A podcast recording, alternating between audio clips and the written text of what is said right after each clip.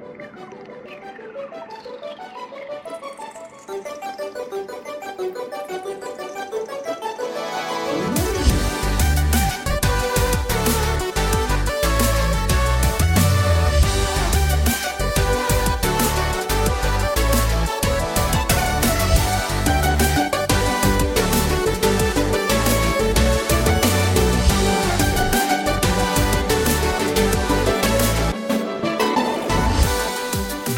Velkommen til uh, ny episode av Sidequest. Blubb, blubb, det er det det står i snakkebobler i tegneserier når de er under vann.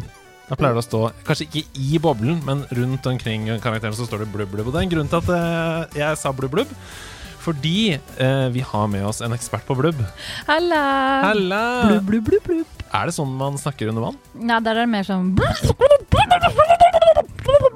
Ja. ja, så. Men For du er jo ikke først og fremst ekspert på uh, Onomatopoetikon. Du er ekspert på de som lever i uh, det andre element. Ja. Havet. Det flytende. The liquid environment, som det heter på. Jeg har ikke sagt det. Pia V. Dalen, Ja. velkommen. Takk for det! Eh, du har vært gjest i hovedpodkasten av Nederlandslaget. Mm. Du har vært med oss på stream, du har gjort masse gøy, og det er fordi du er så sabla flink! Å, det er koselig å høre, ass. ja, ja. Også fordi du er flink til å selge deg selv. Altså. OK, fortell. Vi skal, altså, vi skal jo lage to episoder nå. Ja. De er på en måte litt sånn intertwined i hverandre. De har noe med hverandre å gjøre. Mm. Eh, og begge toucher innom ditt spesialfelt, nemlig det våte element. Ja, eller biologien generelt, og kanskje havet spesielt, da. Havet spesielt. Mm. Det, må du ofte påpeke det? Eller sånn at eh, Forresten, dere, det er ikke bare havet jeg driver med? Eller? Ja, det er begge veier, egentlig. Det er veldig mange som tenker at uh, Mange tenker at vitenskapsfolk kan alt det alle andre vitenskap Så bare den generelle massen vitenskapsfolk. Ja. Og samme er altså i biologien. Er du biolog, så er det for mange bare en sånn En som er ute og peller på maur Ja, og ser på noe mose. Ja, ja. Eh, ja, for det er sånne fordommer sånn Få deg en ordentlig jobb, liksom. Det, eller Ja, til dels. Det har vært litt sånn underdog i realfagene. Det er eh, dårligere betalt og færre som vil ha og. Sant det! Jeg hadde både to og tre bi på Ja. videregående og syntes det var veldig gøy. Men det er klart jeg ble sett, sett ned på tre fy, ja. Tre fy og Altså, skulle sett da jeg kom på universitetet, du. Og fytti rakkeren, da fikk jeg veldig mye sånn Nå kan du bli biolog, du. Åh, da ja. kan du ikke verden. Jeg skal vinke til deg fra den to millioner statslønnsjobben min i oljebransjen. Ja, fordi, og dette er kjemikere, fysikere, ingeniører Ja, geo, geologi og PT, eller petroleumsteknologi spesielt, der var det mye rævhull. Ja. Det passer bra at vi skal snakke om eh, havbunnen på en slags måte i dag òg.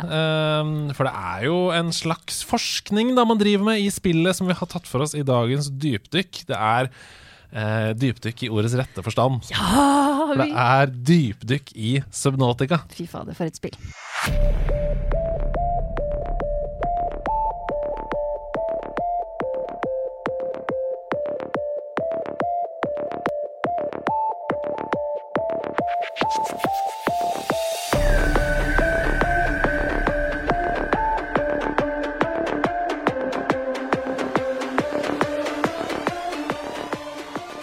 For et spill. Så vi skal dykke ned i spillet, men også i havet. Mm -hmm. uh, jeg, jeg klarer ikke å komme over hvor godt det er at dette heter dypdykk. Det er så bra ordspill.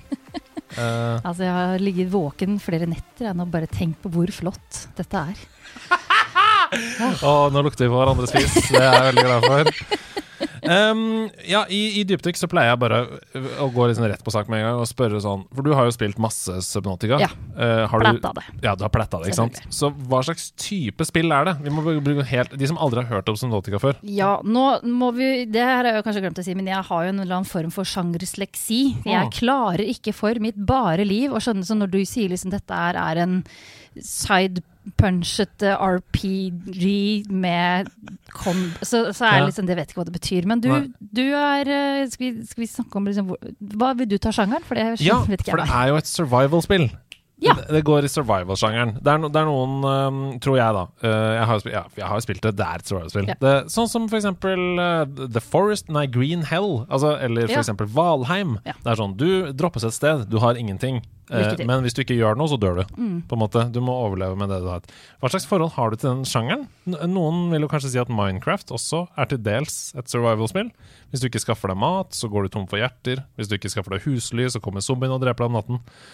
Har du spilt noen sånne survival-spill før? Jeg prøver å tenke på det, men jeg, jeg vet ikke om jeg har gjort det egentlig. Når jeg går litt i det. Jeg vet bare at jeg elsker det. Ja, Det kommer jo egentlig Jeg, jeg føler at hele sjangeren er født ut av en sånn den eh, drøm Eller den der, det tankeeksperimentet som man alltid sier når man er barn. Sånn, hva hadde du gjort hvis du hadde stranda på en øde øy? Mm, hva hadde du tatt med deg? Ja, hva hadde du tatt med deg? Hva, hvordan hadde du overlevd, liksom? Der er jo Robinson-ekspedisjonen i spillform. Mm. Å, herlighet, nå bare Ja, så mm, kanskje det er derfor jeg syns Robinson var veldig spennende. Jeg har tenkt mye på hva jeg skulle tatt med meg hvis jeg hadde, skulle vært med deg. Ja. Dykkermaske og snorkel. Glem ikke tannbørsten. Nei, Snorkel og dykkermaske er det viktigste, i hvert fall dykkermaska. Ja, for å overleve, ja. Fordi det er der uh... Hente mat i Ja. Det er jo Herregud. der selve matfatet ligger. Ja, ja. Det er jo ingen andre som gjør det. Jeg skal ha med kniv og sånn, og det kan du bare ta. Finn et skarpt skjell. Ja. Nei, det sier jeg ikke, altså. Er. Jeg elsker knivene mine. Men, Ja. uh, men det å Men- se under vann er viktig. Ja, og på en øde øy, altså hva er ressursene? Ja, det er kanskje noen fugler, og det er kanskje noe Men det er, det er, ikke, og noe ja, det er ikke native bjørn på, på en øde øy. som du må klappe på snuten for å få mat. Ja. Gi meg bjørnemelka di, eller hva det Nå fikk jeg forferdelige bilder i hodet.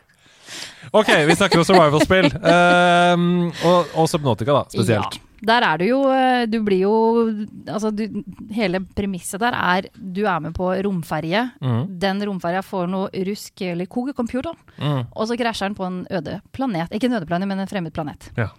Og så er det lykke til herfra. Mm. Og det er en sånn som den planeten i um, den filmen Interstellar. Det er uh, havoverflate. Ja. Ikke sant? Ja. Så hva, før vi går ned i materien her, altså før vi dykker ned i dypet, så må vi også få unna liksom core gameplay. Hvordan er det man spiller Subnotica? Hva er det du gjør når du krasjer da, i dette havet? Ja, du, da er det, er det first person der, når Ja, du er ser? Ja, Ja, for du, ser du ser bare hendene dine. Ja. Yes. Um, så du må jo da først og fremst eh, prøve å slukke en brann inne der, sånn, og så er det da å rett og slett samle litt. eh, Så hopper du ut i sjøen, må begynne å kikke deg litt rundt og samle ressurser. Mm. Og etter hvert som du får riktige ressurser, så har du en sånn fabricator inne i um, skrotet, håper jeg, i um, den, oh, den survival poden. Ja, Ja, ja, for du er jo kasta ut med sånn survival pod. Så du kan begynne å lage ting. Mm. Som da inkluderer da etter hvert en, fik, en sånn, hva heter det for noe, repair tool. Ja. Som kan fikse ra, eh, radioen din. Mm.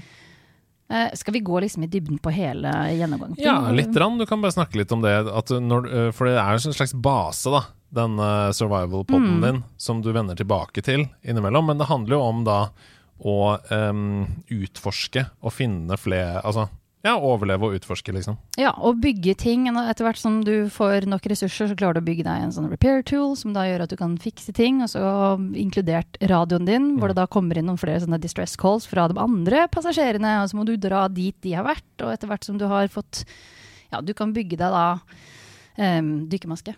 Mm. Ikke, eller dykkermaske, men eh, hva heter det for noe? Dykketank. Eller liksom dykkerutstyr, da, Ja. så du kan holde Mm. pusten litt lenger, for du må jo puste kontinuerlig her. Mm. Eh, ned, holde pusten, opp igjen. Du kan ikke holde pusten så himla lenge. Så kan du kanskje legge, lage en uh, dykke... Å, herre min skaper. Sånn oksygentank. Takk. Ja, ja. Da kan du puste litt lenger. Ja. så, så jobber du deg på en måte oppover, og så kommer jo det som jeg syns er veldig gøy, egentlig. Som jeg, jeg skjønte ikke dritten av det første gang, så jeg måtte spille i creative mode, hvor du bare kan gjøre hva du vil, og ha uendelig med ressurser og penger og tid og det som er. Men det der med at du hele tiden må følge med på hvor mye oksygen du har, er jo en ting. Mm. Men også på hvor mye vanninntak, Ja. og helsa di, og maten. Og da er det litt sånn ja vel, hva her er det jeg kan spise? Og så Mm. må du begynne å eksperimentere litt, da. Hvis jeg dytter den fisken her i kjeften, rett i nebbet, som noen Stian sagt det. Ja. Så blir du kanskje sjuk. Ja. Hva er skjer da, liksom? Ja, sant. Og det er jo veldig det, det si, klinger godt i min eh, personlige tilnærming til utforsking av livet. Mm. Alt skal utforskes med alle sansene. Ja, det er bra. Eh, smakes på, spises på, luktes på, Ja. tas på. Jeg syns også det er gøy at de har på en måte gamificata helt vanlige ting. Sånn som at å oppgradere oksygentank så du kan puste lenger under vann. Mm. Ja, det er jo noe man gjør. Enten hvis du ikke har råd til å kjøpe den dyreste tanken, så må du kjøpe den billigere. Og den er litt mindre oksygen i. Mm. Um, og, men det, det føles ikke som sånn bare bæ, bæ, bæ, Nå er det et RPG-spill pluss én i endurance, på en måte. Nei da, du lager en større oksygentank, som jo du ville gjort i virkeligheten. Um, men ja, i motsetning til andre, mange andre survival-spill, så har Subnautica en ganske sterk historie Ja. som liksom tviholder på spilleren.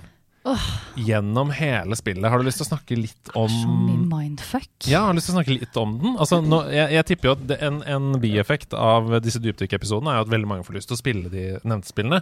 Så du trenger ikke å spoile, men du kan snakke litt om liksom, hva, er det som, hva setter man i gang, og utmors, hva skjer underveis. Ja, du er jo, Det som er så fint med disse her distress callsene, er jo at du blir tvunget på en måte til å Eller du får noen sånne guidelines eh, uten å få noe sånn helt konkrete 'Hit skal du!' Det er Mm. mer sånn 1000 meter sørvest, og det å spille den på PlayStation, da, hvor du ikke har noe du har ikke noe gradestokk, det er bare Nei, nei. sånn nord-vest-kompass. Ikke noe sånn Ja, det har vært litt utfordrende og interessant. Særlig med tanke på alle bugsa som var i det til å begynne med. Men så, så drar du dit, og så oppdager du nye ting, og etter hvert så ser du også land.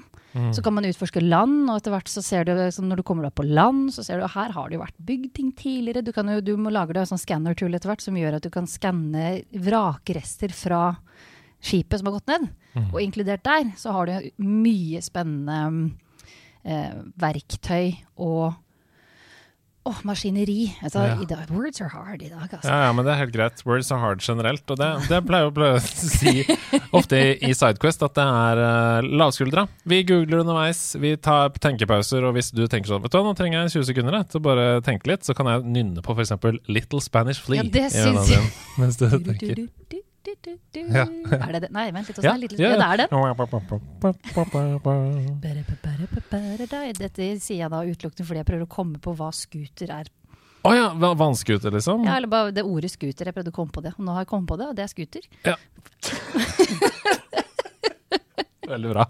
Veldig Ja.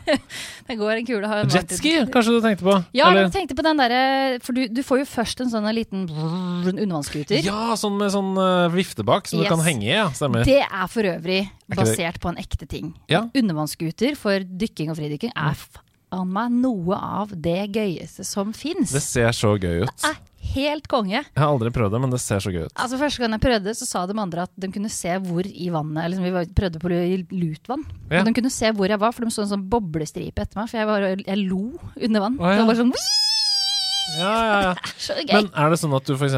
Dette er litt gøy. Når du holder i den tingen, Ja. eh, for det er jo en vifte som blåser i fjeset ditt da, når du holder i den. Eh, Som er, det, Carola. ja, er det mm, gass og brems på eh, hendene dine? Eller, hvor- Bare gass. ja, så når du slipper, så, sl- så slutter den? Ja.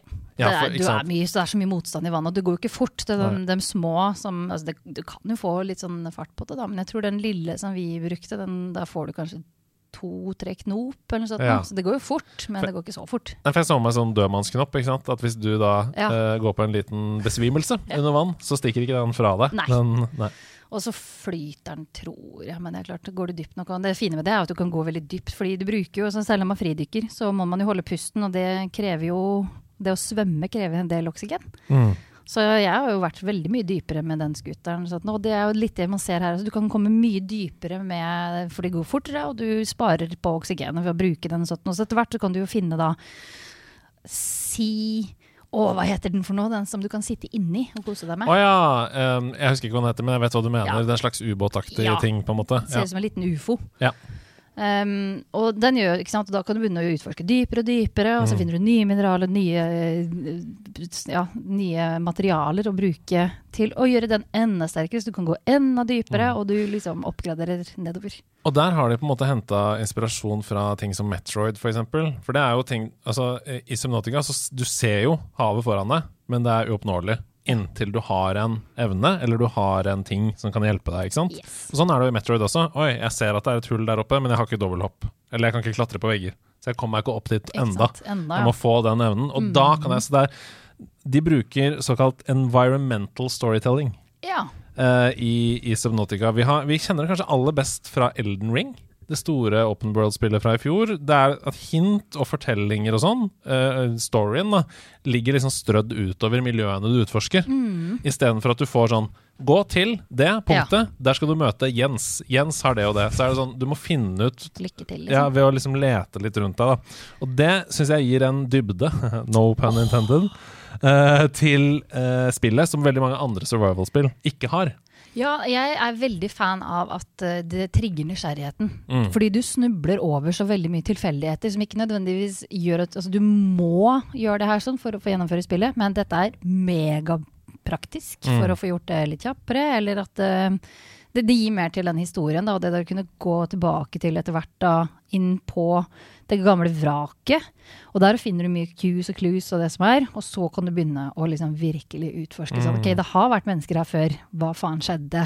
Finne alle disse her små Det har jo egentlig ingenting med selve gjennomføringen av historien å gjøre, men det, det at du kan lese dagbøkene mm. til dem som har vært der før deg. og sånt nå. Og så kommer man jo til jeg vet ikke, ja, Hvor mye får jeg liksom lov til å si før det blir spoiler? Skal Nei, ikke du altså, styre er den dette historien? Er et dypdykk. Ja. Jeg tenker dette er et dypdykk, så de som uh, nå er veldig trigga og har lyst til å spille det, bør det gå og spille det. Ja. Og så kan man fortsette å høre på denne episoden etterpå. Mm. fordi vi kan ikke, hvis vi, hvis vi skal også unngå å snakke om det vi har lyst til å snakke om i en episode som er et dypdykk i spillet. Ja. da kan vi aldri snakke om det. Da må vi skrive 'spoilercast', kolon, Uh, Subnotica, for eksempel. Altså, det er fullt lov til å snakke om hovedelementer. Og, ja. Vi må jo snakke om aliensene. Ja, Det må vi. Ja, det er et veldig sånn unødvendig mye rom der, men du kommer jo til en øy hvor det står en gigantisk, veldig sci-fi high-tech mm. dings. Mm. Og du bare lurer på hva i alle dager er det her. Jeg husker da jeg kjørte rundt den lille Sea Shepherden min, det er ikke det det heter. La oss bare kalle det mm. Seaboaten, da. Ja. Um, og fant en sånn Jeg fant jo først Moonpoolen til den. Han fikk mm. jo tissa nesten på meg. Sånn, Herregud, her er det noe spennende! For det var så helt komplett. Du surrer rundt ute i det her fantastiske universet med masse forskjellige biotoper og mye biologi, og så plutselig så kommer det sånn kantete, firkant, og åpenbart Dette er ikke Fra organisk. Verden, liksom. Nei, sant? Ja. Og der inne får man jo noen hint om at det har vært noen infeksjoner på et eller annet tidspunkt. Og det er, for alt er på en måte det er ikke dødt, det er bare det er ikke noe der. Mm. Denne gigantiske installasjonen, hvor kommer den fra? Mm. Og da begynner jo egentlig spillet. Mm. Strengt tatt. For nå, ja. Og det minner meg også om The Outer Worlds, som er et Nei, ikke The Outer Worlds, The Outer Wilds. Det er så lett å blande de to spillene, for det er to forskjellige spill som heter så like navn, som kom nesten helt likt også. Som jo er et sånt tidsloop-spill, hvor du begynner på en planet, og så har du x antall minutter til å utforske, og så blir du tatt tilbake til starten igjen. Ja. Så du må på en måte velge deg hvor du skal dra, og da er det også sånn Oi, det er noen andre her. Ja. Hva er det? Å, så rakk jeg ikke å utforske mer. Å, nå må jeg begynne på det. Ja, det, det, er veldig spennende. Det burde du også sjekke, det tror du hadde likt det. Men um, det utforskende elementet generelt. Vi må dedikere litt tid til det, for det er helt utrolig i Subnatica. Eh, verden føles veldig, veldig veldig levende. Alle skapningene du støter på, de oppfører seg på ulike måter. De har egne lydeffekter. Mm. Um, de føles unike. Men den utforskingen som du var inne på her Nå har du jo nevnt et par elementer allerede. Men kan du liksom Vi kommer til skapningene etterpå. Kan du snakke litt om noen sånne story eller sånne utforskingsøyeblikk hvor du ble sånn Oi, shit, hva fant jeg nå? I tillegg til da denne alien.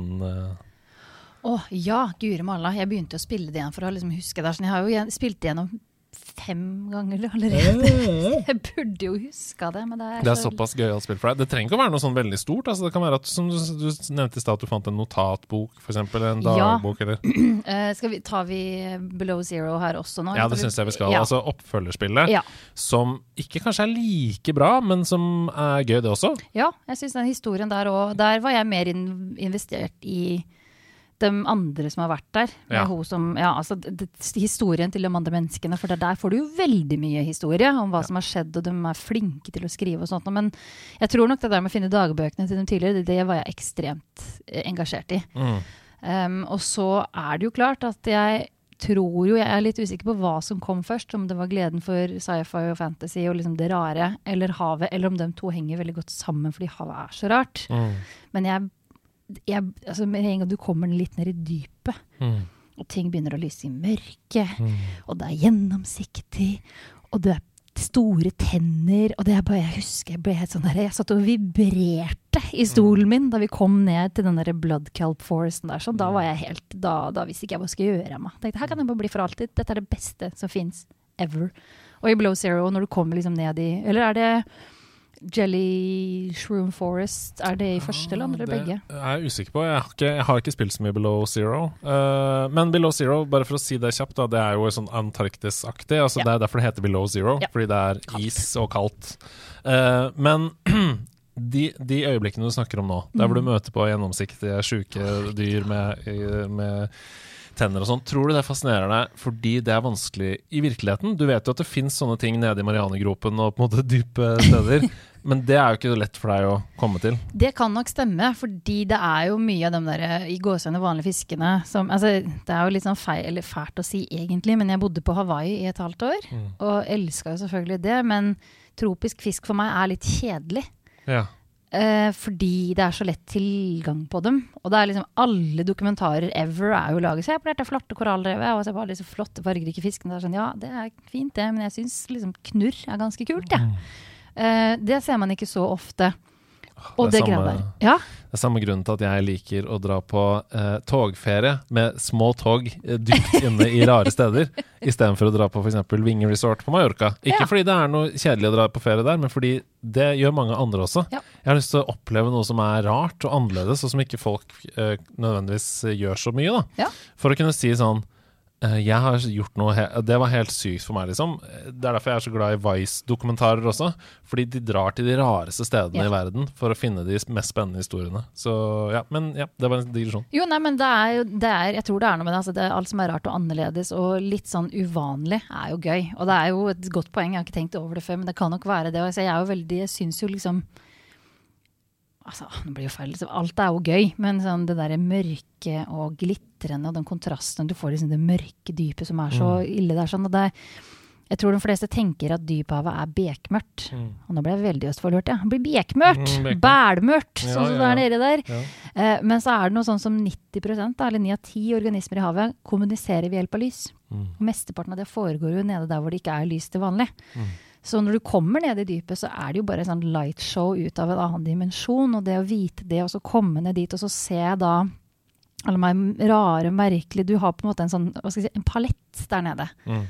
Som jeg bare syns er så deilig. Den er sånn mørk, men allikevel rosa. Mm. Og neonfarga, liksom. Så du kan få neonfarger, men allikevel kjenne at nå er du her nede i dypet. Men har du, har du ingen frykt for det? Nei. Ikke i det hele tatt? Det er kanskje mer respekt for det, kanskje? Men Ja, jeg tror nok nysgjerrigheten min overstyrer frykten min i veldig stor grad. Ja. Um, så jeg har ikke hatt helt sånn 100 fornuftig risikoanalytisk tilnærming til dyreriket, holdt jeg på å si, rundt meg. Men jeg, jeg vet, altså hvis jeg hadde vært der nede selv, så vet jeg ikke åssen det hadde opp, vært opplevd. Jeg har veldig lyst til å kjøre ubåt, Ja. men det, det å sitte på 1000 meters dyp, crammed inn til en liten sånn dings og ikke helt klarer å bevege det rundt, det vet jeg ikke åssen jeg hadde reagert på. Men jeg har ikke noe frykt for Nei, fordi for meg så Jeg får nesten panikk av at vi snakker om det, for jeg kjenner sånn Å være på uh, et dyp der hvor det er helt svart fordi sola fra, eller lyset fra vannoverflaten ikke trenger ned dit engang. Mm. Så det er helt mørkt rundt meg. Jeg aner ikke hvor langt det er opp igjen. Det, det kan jeg få Klaus at det snurper seg i halsen av. Ja, uh, har du vært i sånn absolutt mørke før?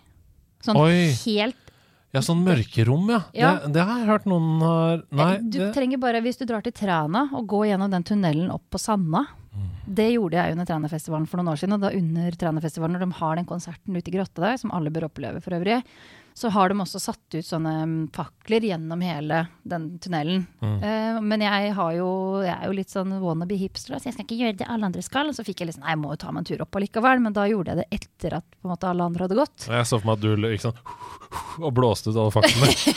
Nei, det var vel heller omvendt.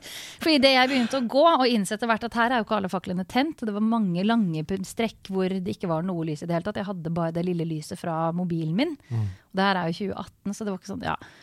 Og jeg husker på et tidspunkt så skrudde jeg av mobilen også og sto i Det går ikke an å beskrive, for blir eh, Man blir svimmel.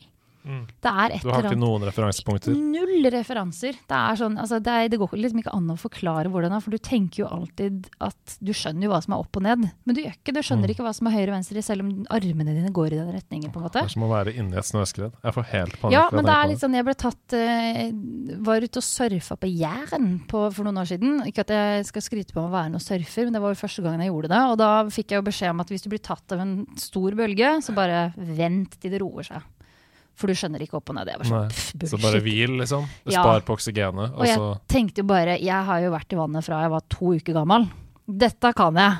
Det kunne jeg ikke. Nei. Du blir jo helt du skjønte, Jeg skjønte ingenting. For jeg tenker liksom altså, fornuftig, så er det sånn Ja, men ned, der er det mørkt. Opp, der er det lyst. Men så kommer du, ligger du der på fire-fem meter etter å ha vært kjempefortumla rundt, og så bare sånn Det er lyst overalt her. Det er ikke noe forskjell.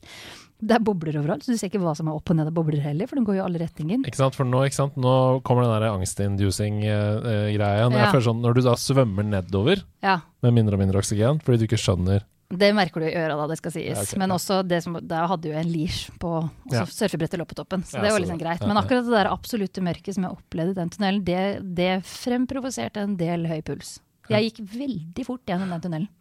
Wow. Var ikke vett å snu og gå tilbake. Det var sånn, jeg må bare gå fortere. Ja, ja. Jeg vet ikke hvor er lengst som er igjen. Det kan hende det fem minutter. Oh, okay, til deg som hører på og har fått angstanfall, uh, det er helt eh, det er, Ikke få det, Nei. men det er helt uh, naturlig. Jeg, jeg får masse sånne bilder. Jeg husker da jeg var liten, så gravde vi masse snøhuler og sånn. Og så var det sånn uh, konkurranse om å grave så trang gang som oh. mulig, og så så langt som mulig. Og så skulle man snike seg gjennom, og så komme opp på andre siden. Uh, Klaustrofobi! Eh, men tilbake til Subnotica. Faen, så dumme vi var som Ja, veldig, veldig dumme.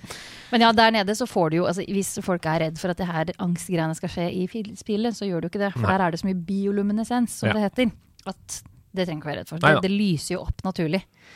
Og det syns jeg er ekstremt kult, bare det at det fins liksom, bioluminescens. Vet du hva det er? Nei, altså jeg vet jo hva det er, for jeg har sett bilde av det. Ja. Men jeg vet ikke hvordan det virker. Det Altså, det er så fascinerende konsept. Vi har to typer liksom, luminescens da, sånn grovtmessig i, um, i naturen. Det ene er bioluminescens, det andre er fotoluminescens. Fotoluminescens det er det som skjer når du går på rave med sånn maling på armen. Ja, ja. Du får UV-lys på, så lyser det opp. Ja. Så du må ha lys inn.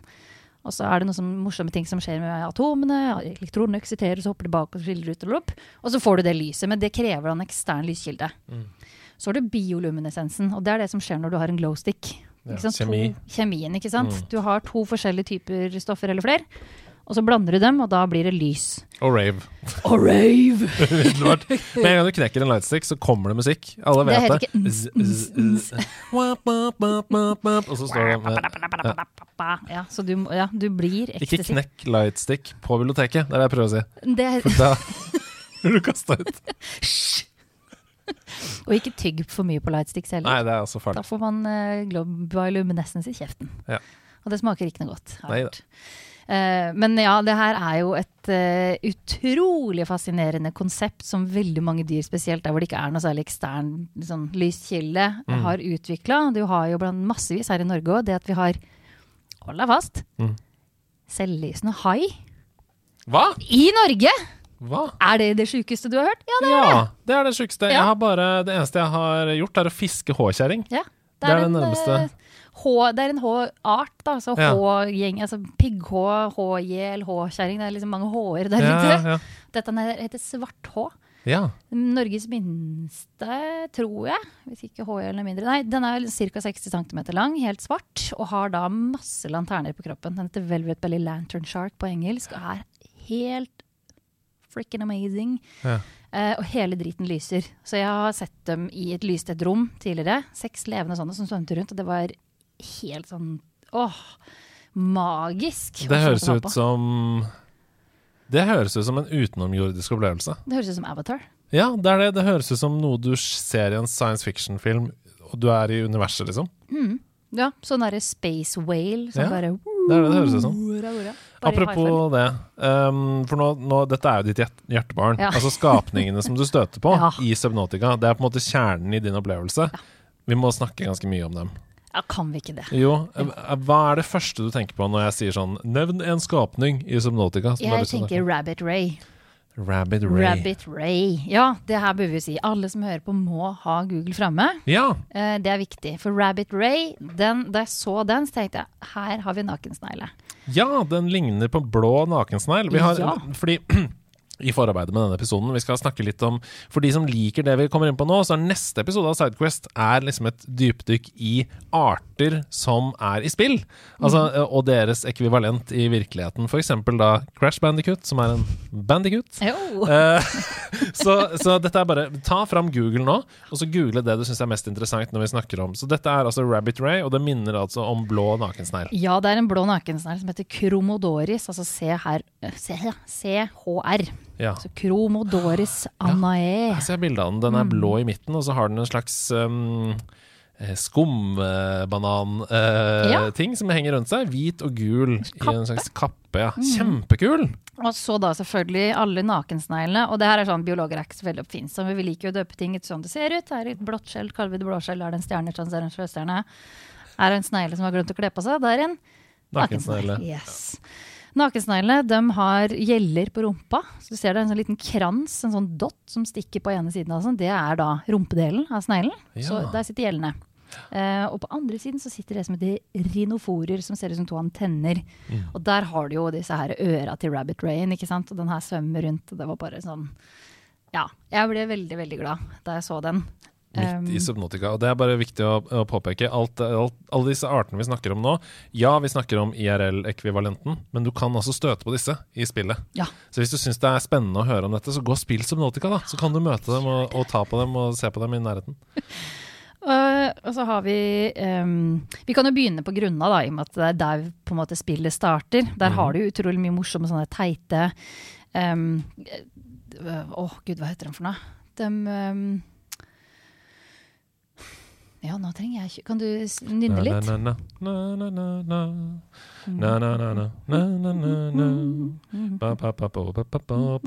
Hun tenker på grunna i Subnautica. nå Bladderfish. Ja, bladderfish. Herregud, ass. Bladderfish, ja. Ja, der er det liksom Jeg syns det er morsomt. Jeg satt og kikka litt på jeg måtte liksom gjøre litt research. Da, bare se om, eller jeg begynte å gjøre litt research, for jeg tenkte nå skal dere gjøre dette vitenskapelig riktig. Og Mhm. så slo det meg at nei, vet du, jeg har mye mer lyst til å snakke om det jeg opplever, og det jeg ser. Mm. Istedenfor å liksom jukse i litt og få hva de som har utvikla det, faktisk har tenkt. Ja, det er lurt. Ja, um, og jeg syns Bladderfish var kjempemorsomt. Og den har jo seks eller Den, den ligner litt på hoverfish, gjør den ikke også? Nei, okay. ja.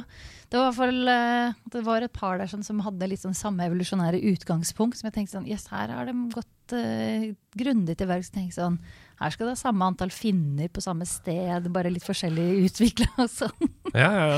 Men når du møter på den da, er din første um, innskytelse eh, sånn ren entusiasme, eller er det nysgjerrighet, eller hva er det som skjer da, liksom? Ja, begge, ja. begge deler.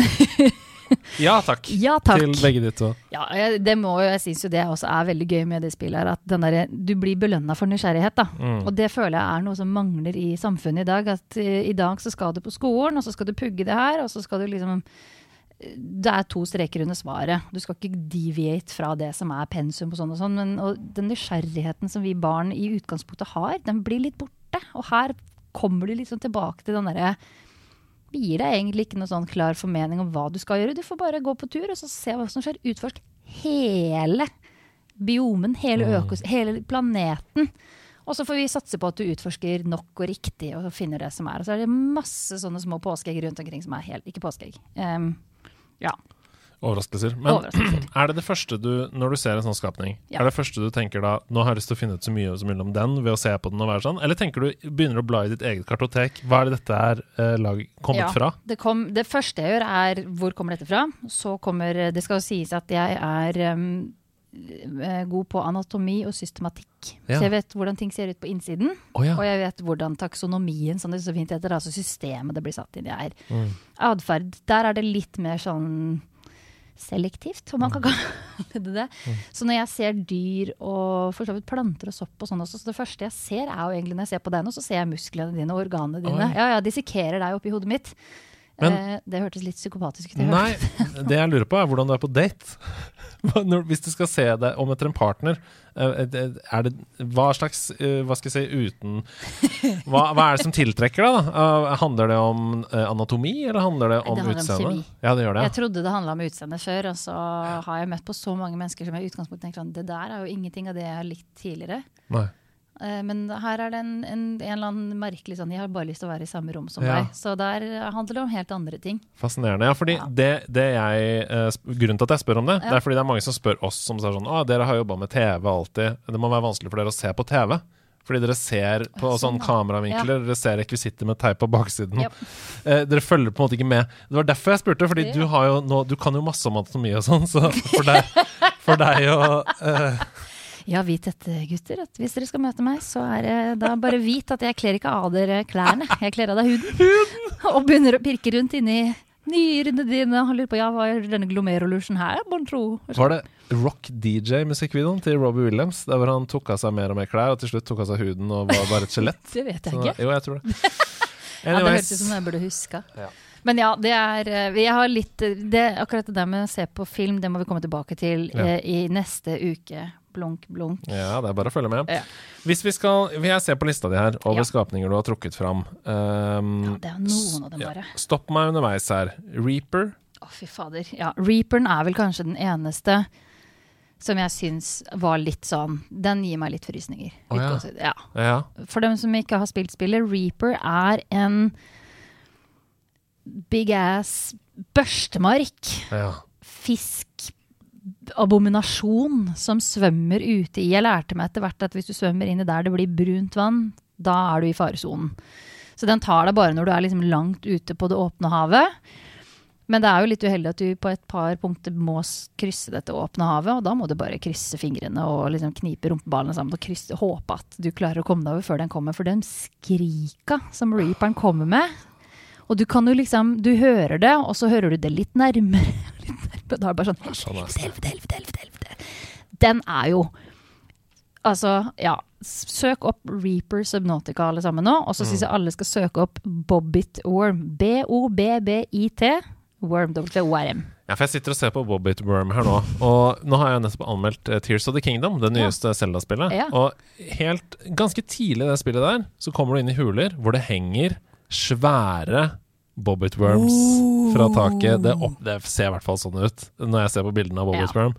Og de vil du ikke at skal putte deg inn i munnen sin. Det er helt riktig. sånn. Det er altså uh, Bobbit Worm er Jeg er litt sånn Jeg skal jo ikke kalle dyr onde, Nei. men jeg er eh, villig til å kalle Bobbit Worm ondsinnet. Det er altså en en av veldig få havarter hvor jeg tenker sånn, deg vil jeg aldri møte på, for den gir meg så grøsninger nedover ryggen. Den bor heldigvis ikke her. Mm. Men uh, du kan tenke deg altså, bobbitworm det er noe som heter en børstemark. Børstemark har vi masse av. Børstemark er kjempeviktig og dritkule. Alle bør gå, altså, du vet markbæsjhaugene du ser under vann? Det kommer fra børstemark. En Ja. type børstemark. De kan lage masse flotte strukturer. og Du ser dem litt nedover i, i Subnautica òg. Uh, og det er liksom havets meitemark. Så finnes da Bobbit Worm. Vanligvis er børstemark den største vi har, blir kanskje 30 cm lang. Bobbit Worm 3 meter. Ah! Mhm. Jeg vil ikke ha det inni tarmen. Nei.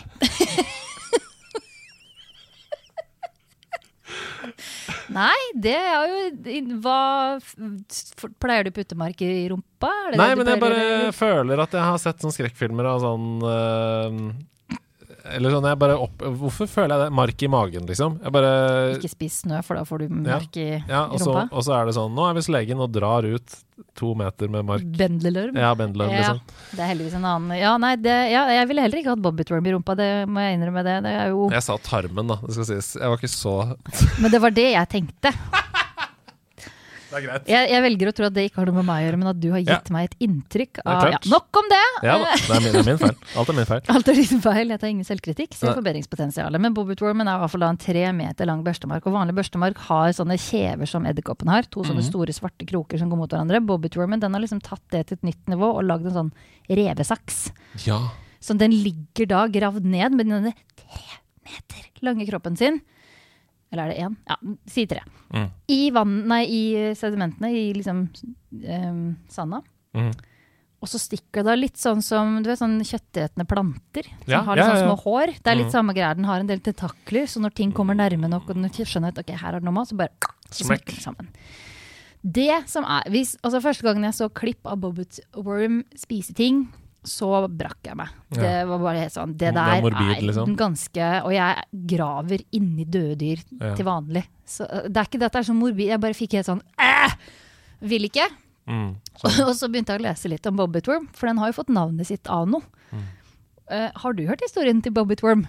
Nei, nå trodde jeg jeg skulle si Har du hørt historien om Bobbit Brown eller noe sånt? Nei, fyr John Bobbit. John Bobbit, ja! Ja, jeg tror det var John han het. Men mm, Bobbit, han um, fikk penisen sin klippet av av sin kone, eller sin daværende kone. Hun var litt lei av at han drev og voldtok og mishandla henne. Ja, det er bra. Men da var det fortjent, da. Ja, det syns jeg jo jeg absolutt. Eh, hun ble jo selvfølgelig arrestert. Han fikk uh, rushet til eh, sykehuset og fikk den sydd på igjen. Ok. Og den, i, den fungerte. Så Nei. han gjorde en bitte liten mikrokarriere innenfor pornografien med filmer som Frankenpenis Nei. og Bobbit Uncut.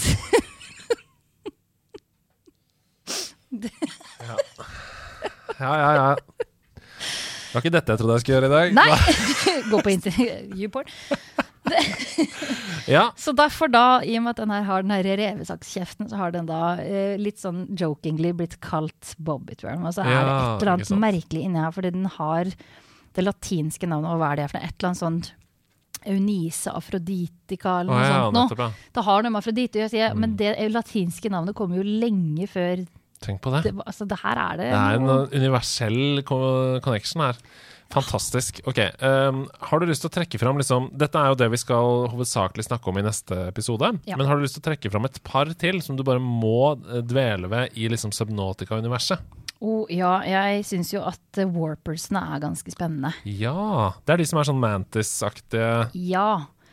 Eh, for det er jo en del av historien her at det har vært aliens her på et tidspunkt. Mm. Eh, aliensene tok vel med seg en form for bakteriell infeksjon, så vidt jeg har forstått det. Mm. Eller om den var der, eller dukka opp naturlig. Og da er vi jo litt inne i sånn covid. Eh, Ja, her, da. Altså for det som skjedde der, var at hele planeten ble infisert av denne bakterien. Eh, og det ser man også når du prøver Noe av det første som skjer i spillet, etter kanskje en halvtime, times tid, er jo at du blir forsøkt redda. Mm.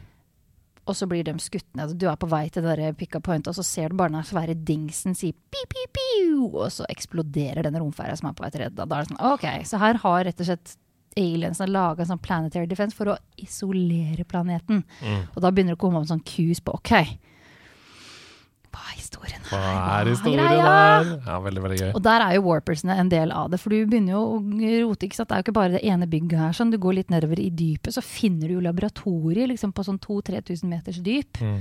Tall tatt det litt ut av ræva, for jeg husker ikke helt nøyaktig. Men nede i dypet, da, når du har bygd deg gigantiske ubåter og kan komme dypt ned og liksom prøvd å komme deg unna alle gærne ting som bor nede i dypet også. Um, og så finner du warpersene, og warpersene er fryktelig De er vel kanskje under reaperne det jeg syns var mest ubehagelig, fordi de plutselig bare poppa opp i trynet på deg. Mm. For de kan da, som navnet tilsier, warpe. Mm. Så du hører bare sånn så, puff, så er de rett opp i fjeset ditt. Og da er det ikke bare rett i fjeset ditt når du er ute og svømmer. Det er sånn du sitter inni ubåten din og sånn bom, her kommer jeg! Plukker deg ut! Ah, Slipper deg liksom på 10 ubeleilig. 000 meter dyp.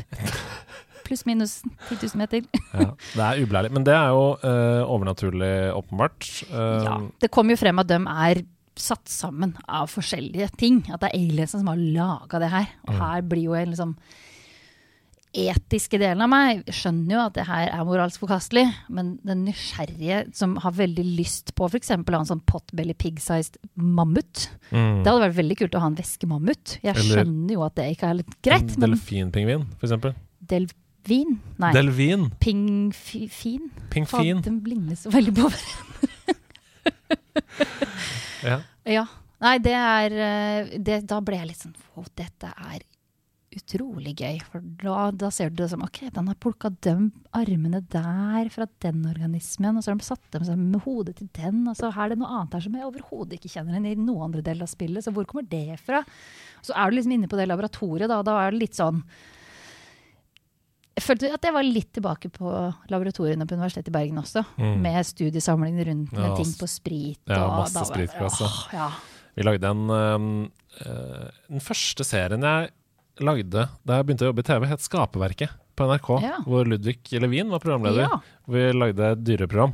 Eh, Altså, Ludvig er gæren. Ja, og da var vi jo selvfølgelig hos uh, Torfinn i kjelleren på uh, museet i eh, Hva heter det? Turhistorisk, eller? Ja. ja. Der hvor alle skapningene ligger Å, på. Så hadde noen helt episke bilder der av kamera på Dolly som eh, bare forbi, sakte film forbi alle de spritglassene. Ligger fortsatt på nett-TV. Uh, skaperverket. NRK.no. Eh, og apropos det, får vi hoppe videre. De Ja. som syns dette segmentet var spennende, det blir mer av det i neste episode. Uh, gleder dere til det om en uke. Men musikken i Subnotica, jeg syns den er helt fantastisk, Ja. denne musikken. Uh, er du en sånn som skrur av musikk, eller Nei. hører du på den? Nei, jeg hører på det, og jeg Jeg må innrømme at jeg av og til også satt på musikken sånn bare for å få komme inn en viss sinnsstemning. Mm, mm. Ellers den jeg ikke spilte spillet. For det, det er noe med den derre Oi, der kommer den derre Åh. Ja, jeg skal ikke begynne å nynne på det nå, men Mm. uh, du Det er så det, det endrer seg sånn. Mm. Det er veldig sånn dynamisk og fint, men, Ja. men uh, jeg, det jeg har skrevet i notatene mine, er at jeg syns det er en perfekt blanding mellom fare og fantasi. Ja. Uh, fordi det føles skummelt, men vakkert Ja. samtidig. Jo, men jeg føler at sånn, det er noe med den derre Jeg føler at det er en sånn nysgjerrighetsmusikk i stor Mm. grad, når du er liksom ute og, og roamer på slettene. Mm, sånt, alt kan skje, du- liksom. Ja, og så har du den musikken som er sånn For meg, da, så når jeg hører på musikk, så er, lager jeg musikkvideoer oppi hodet mitt. Mm. Det, så, så det der, der er liksom der jeg kjenner bare Ok, her har noen tenkt hvordan jeg skal oppleve Altså, ja, jeg vet ikke hvordan jeg skal forklare det. Jeg skjønner jo at folk som lager musikk til ting, har en tanke om hvordan de vil at folk skal oppleve den tingen. Men Jeg de får det det er, jeg tror det er veldig mange som har det sånn som du nettopp beskrev. Um, at man, hvis man hører på musikk, enten man sitter i bil eller går på veien, eller sånn, så gjør man seg selv til hovedpersonen i Oh, musikkvideoen. yes.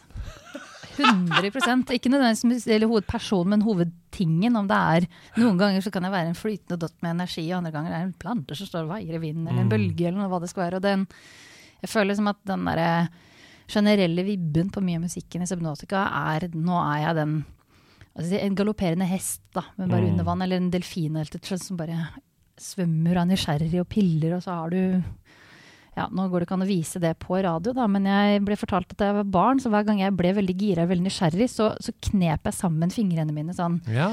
Eller sånn lokka og åpna henda fort. Og jo fortere jeg gjorde det, jo mer liksom Hva er det for noe? Der, der føler jeg at den musikken, den, det er liksom det. Vanskelighetsgraden i Subnotica. Det er jo tross alt et survival-spill, eh, og du må stå på for å overleve. Ja. Eh, følte du på det noen gang? At det er sånn Ja. Oi, du, du, du, du, Ja. kniven på strupen? Ja. Jeg skjønte ingen verdens ting første gang jeg spilte det. Jeg husker ikke hvordan det endte, men jeg tror det var fordi min gode venninne Stine Fonnes, shout-out, um, som jeg bodde med, hadde en komp eller har en kompis som jeg også har en kompis med, da, som la inn masse spill på PlayStation min. eh, og så var den bare der. Så tenkte jeg, får prøve. Skjønte ingenting, prøver igjen, skjønner absolutt ingenting. Satt på creative mode. Mm. For der, fordi jeg skjønte jo ingenting, for jeg døde jo bare. Mm. Og så ble jeg kjempeforvirra, for det, hva er det? jeg skjønner ikke hva jeg skal gjøre. Så den enkleste varianten er creative mode. Da kan du Du kan ikke dø. Mm. Dyra kan ikke mm, si, plage deg. Du mister ikke noe sånt nå. Den er gøy for å bare forstå konseptet, og så har du jo alt fra jeg tror du kan vel plukke ut én og én ting. altså sånn Den aller vanskeligste. Da får du ikke noe varsel om at du mangler oksygen. Eller, Du må følge med på alt. ja, du må følge med på Mm. absolutt alt. Nest vanskeligste er liksom Du må ta til deg væske og mat og oksygen, men du får noe sånn pop, pop. Syk. Fluid intake immediately. Uh, og så liksom, ja, kan du velge da jeg skal bare ha pusteproblemer, f.eks., men ikke utforske mm, noe mat. Men med så mye spennende, sånn som når du finner land og sånn, og begynner å Mm. oppdage disse plantene så du kan ta med tilbake og dyrke selv. Mm. Da kjente jeg på altså, at det, er mye morsommere å måtte kunne bruke det til noe. Ja, ja, fordi det du er inne på der, jeg syns noe av det aller beste med Subnautica, som også egentlig andre survival-spill sliter med, det er balansen mellom nødvendigheten av å overleve Ja. og nødvendigheten av å utforske. Ja. Fordi eh, hvis du er nysgjerrig og utforsker, sånn som du om i sted, så gir det deg større sjanse for å overleve også. Mm. du blir belønna for, for å være nysgjerrig. I, I en del survival-spill så kan den der overlevelsesgreia føles grindete. Ja. Sånn, nå driver jeg og utforsker, og det er spennende. Eh, fuck, nå må jeg hogge ti trær Ja. Som ikke har noe med det jeg driver med å gjøre. Fordi jeg må jo tross alt overleve borti her, Ja. på en måte. Der syns jeg de har klart å løse det veldig godt med bladderfish Mm. og eh, kelpen. Mm. Da er liksom, du vet når du bare klarer å finne ut av det, fordi du har utforsket masse, vært nysgjerrig og spist alt du har kommet over selvfølgelig, og lært driti deg mye ut, Ja. så har du skjønt at ok, her har jeg liksom sånn krisemodus. Du trenger ikke stå i elleve timer og bare Du kan bare hive inne på noe tare, og så er det good. Ja. Men eh, du, du må hive inn på mye tare, men ikke så mye at du står der i en time, liksom. Nei. Så ja. Men du, ja. hvor vakkert er det ikke? Rent grafisk? På en skala Ja. mest. Ja, det er, det er mest vakkert, ja. Det meste er Eller det er ikke det aller vakreste spillet i hele verden, men gud og satan. Men du får, altså, du får lyst til å smake på alt, fordi det ser Ja, så ja, ja. pent ut. Plutselig går du og slikker på skjermen. Ja. sånn, hva er du? Ja, vet du hva, Og så er det så annerledes, og det er så dynamisk, det er så store forskjeller fra sted til sted. At du har ikke liksom Her er du i én verden, veldig ofte så har du sånn Dette er den verden du er i, og så er det likt overalt. Ja. Eller ikke ofte, da, men sånn Jeg føler at veldig mange situasjoner så er det sånn Her er du i en jungel, og så er du i jungel. Her er du i så mange forskjellige biotoper at eh, også biologhjertet mitt var jo helt sånn Oi, guri malla, ja, dette er jo ålegraseng, bare rett. Wow, nå har vi tareskog, og det er basert på sånn. Åh, Deilig. farger. Jeg, jeg ble litt nysgjerrig, jeg må bare spørre om det kjapt. På skala med flamingo er det beste, hva er det, hva er det verste? Bobbitworm. Bobbitworm. Så det er min nye eh, anmelder i nederlandslaget. Ja. Du får eh, ni flamingoer og tre bobbitworm for dette verket ditt. Yes, ass. Så flamingoer. litt av dette på fortsatt. Ja. Er det noe du føler at du ikke har fått snakka om? Alt. Det er jo så mye å snakke om. Jeg tenker liksom, altså, jeg har veldig lyst til at vi sånn, kanskje avslutning skal snakke litt om biotopene. Ja. For det er jo en litt underkommunisert del av spillet, føler jeg at det bare er liksom der. Du finner så En biotop er jo et avgrensa område som er ja, typ Tareskogen er en type biotop, en ålegraseng som ikke så veldig mange kanskje snakker så mye om til vanlig, men det er jo det som kiler deg i rumpa når du er ute og svømmer. Mm. Det er ikke tangen, men det er også en type biotop. Det, da. Um, og her er så har de gjort det på så utrolig kul måte, for det, det sklir i hverandre, men på en veldig sånn avgrensa tydelig at nå er du i tareskogen. ja. Og i tareskogen så kan du gjemme deg innimellom taren, og du, ja, du ser at her er det økosystemer som går oppover gjennom vannsøylen og det som er, og så kommer du rett ut til den der store røde skogen, eller på den engen av ålegras. Mm. Og så har du mushroom forest, eller mushroom corals, eller hva det heter for noe. Og så blir det, altså det, det aner jeg ikke, jeg tipper det kanskje er basert på noe korallrev. Og så kommer du unnskyld, nedover i dypet og får disse her skorsteinsystemene. Mm. Og der føler jeg nesten at de burde lage et helt eget spill om skorsteiner, for dyphavsbiologi er helt koko bananas fett. Mm. Og skorsteiner, jeg var så heldig at jeg i fjor sommer fikk lov til å være med Universitetet i Bergen på tokt. Til Ja. Midtatlantiske ryggen. Wow. Ja, altså, hvis, for dem som ikke vet av det hvis du ser på Google Maps, eller Google Earth kanskje heller, da, se på oversiktsbildet over Atlanterhavet, så vil du se at det går en stripe gjennom hele Atlanterhavet, via Island og hele veien oppover. Det er verdens lengste fjellkjede. Ja. Og den går da fra Det er der hvor sånne tektoniske plater har krasja sammen, eller? Enten krasja sammen eller går fra hverandre. Ja, ikke sant. Så det som skjer her, i hvert fall her oppe i Nord-Atlanteren, er at de går fra hverandre. Oh, ja. Og det gjør jo at det det er blir grop, ja. Det er en grop. Blir, men det blir ikke så veldig dype groper nødvendigvis. Men det som skjer når to plater sklir fra hverandre, er at du, blir liksom, du strekker jo da havbunnen veldig veldig tynn, tynn, tynn. Og det skjer, da kommer jo magmaen opp, og så blir det masse vulkansk aktivitet. Og når da du får sånn det vi kaller for forkastninger, hvor platene liksom hopper fram og tilbake relativt til hverandre, så får vi skorsteinsystemer, eller hydrothermal vents, hvor du har ekstremt varmt vann opptil sånn typ 400-500 grader, som skytes opp av bergartene og tar med seg masse gøyale kjemikalier i liksom, prosessen. Og når det da blir veldig brått avkjølt, når du da har 400 grader varmt vann som møter 4 grader varmt vann, så sier det eh! Så får du da avsetninger, så mineraliseres eller krystalliseres mye av de greiene som kommer ut. Og så lages det sånne gigantiske skorsteiner som kan være ja, Hvor høye kan det bli? Ja? 30-40 meter? Enorme strukturer. Og rundt de skorsteinene så bor det veldig mye rart. Så de tingene i Subnotica er også basert på reelle Det må, Yes. det må åpenbart være biologer da, Ja. som har jobba med dette spillet. Jeg tror det. Det var jo, jeg hadde sikkert funnet ut av det hvis jeg hadde faktisk gått inn i materien på det, men Ja. det er helt åpenbart at med grottesystemene og ja, hvordan de har lagt opp ting, at du har elver under vann f.eks., det fins jo også i virkeligheten. Verdens største foss fins jo under vann. Danmarksstredet. Den er vel Jeg husker ikke hvor dyp eller høyden er, men det er noen tusen meter, liksom. Tenk på det. Tenk på det! Det ble jeg marmelen av. At vann i vann Ja. kan fortsatt være foss. er så fett. Det er, en, det er masse sånne fantastiske forskningsfolk som driver og livestreamer når de er ute på tokt, kjører ROV, og det var det vi fikk lov til å gjøre i fjor sommer. Vi bodde jo inne på det ROV-rommet og fikk sitte og liksom puste med stakkars ROV-piloten over eh, ROV står for da Remotely Operated Vehicle. Ja. Så vi hadde rett og slett en mini-ubåt, sånn ubemanna da, på 1500 meters dyp, 2000 meters dyp, og kunne se på ting. Og det kom Wow. blekkspruter, og det var så fett. Um, og så er det da disse her folka borte på det de kaller for Nautilus eh, EV. De livestreamer alt, så de sitter og plaprer. Det er liksom Da, da har kanskje biologiens gamere Ja, livestreamere. Men de har kommet da til noe som heter brine pools. Og der har du vann som er ekstremt salt. Og når det blir salt og kaldt, så blir det veldig tungt og dens. Så Mm. det legger seg sånne små bassenger under vann. Mm. Så du kan få sånne bassenger, og det er veldig få organismer som overlever i det. Så i sånne Brian Pool så kan du gjerne se sånne der skjelettrester av fisk og fugler, for så vidt. Altså hvis det har kommet eh, noen forbi. Wow. Um, så de kaller det bare for the, the jacuzzi of death. Og det er jo så vakkert, Det, jeg. det, Det er jo høres ut som en albumtittel på et eller annet. ja. The Jacuzzi of Death med bandet. Rat. Ja.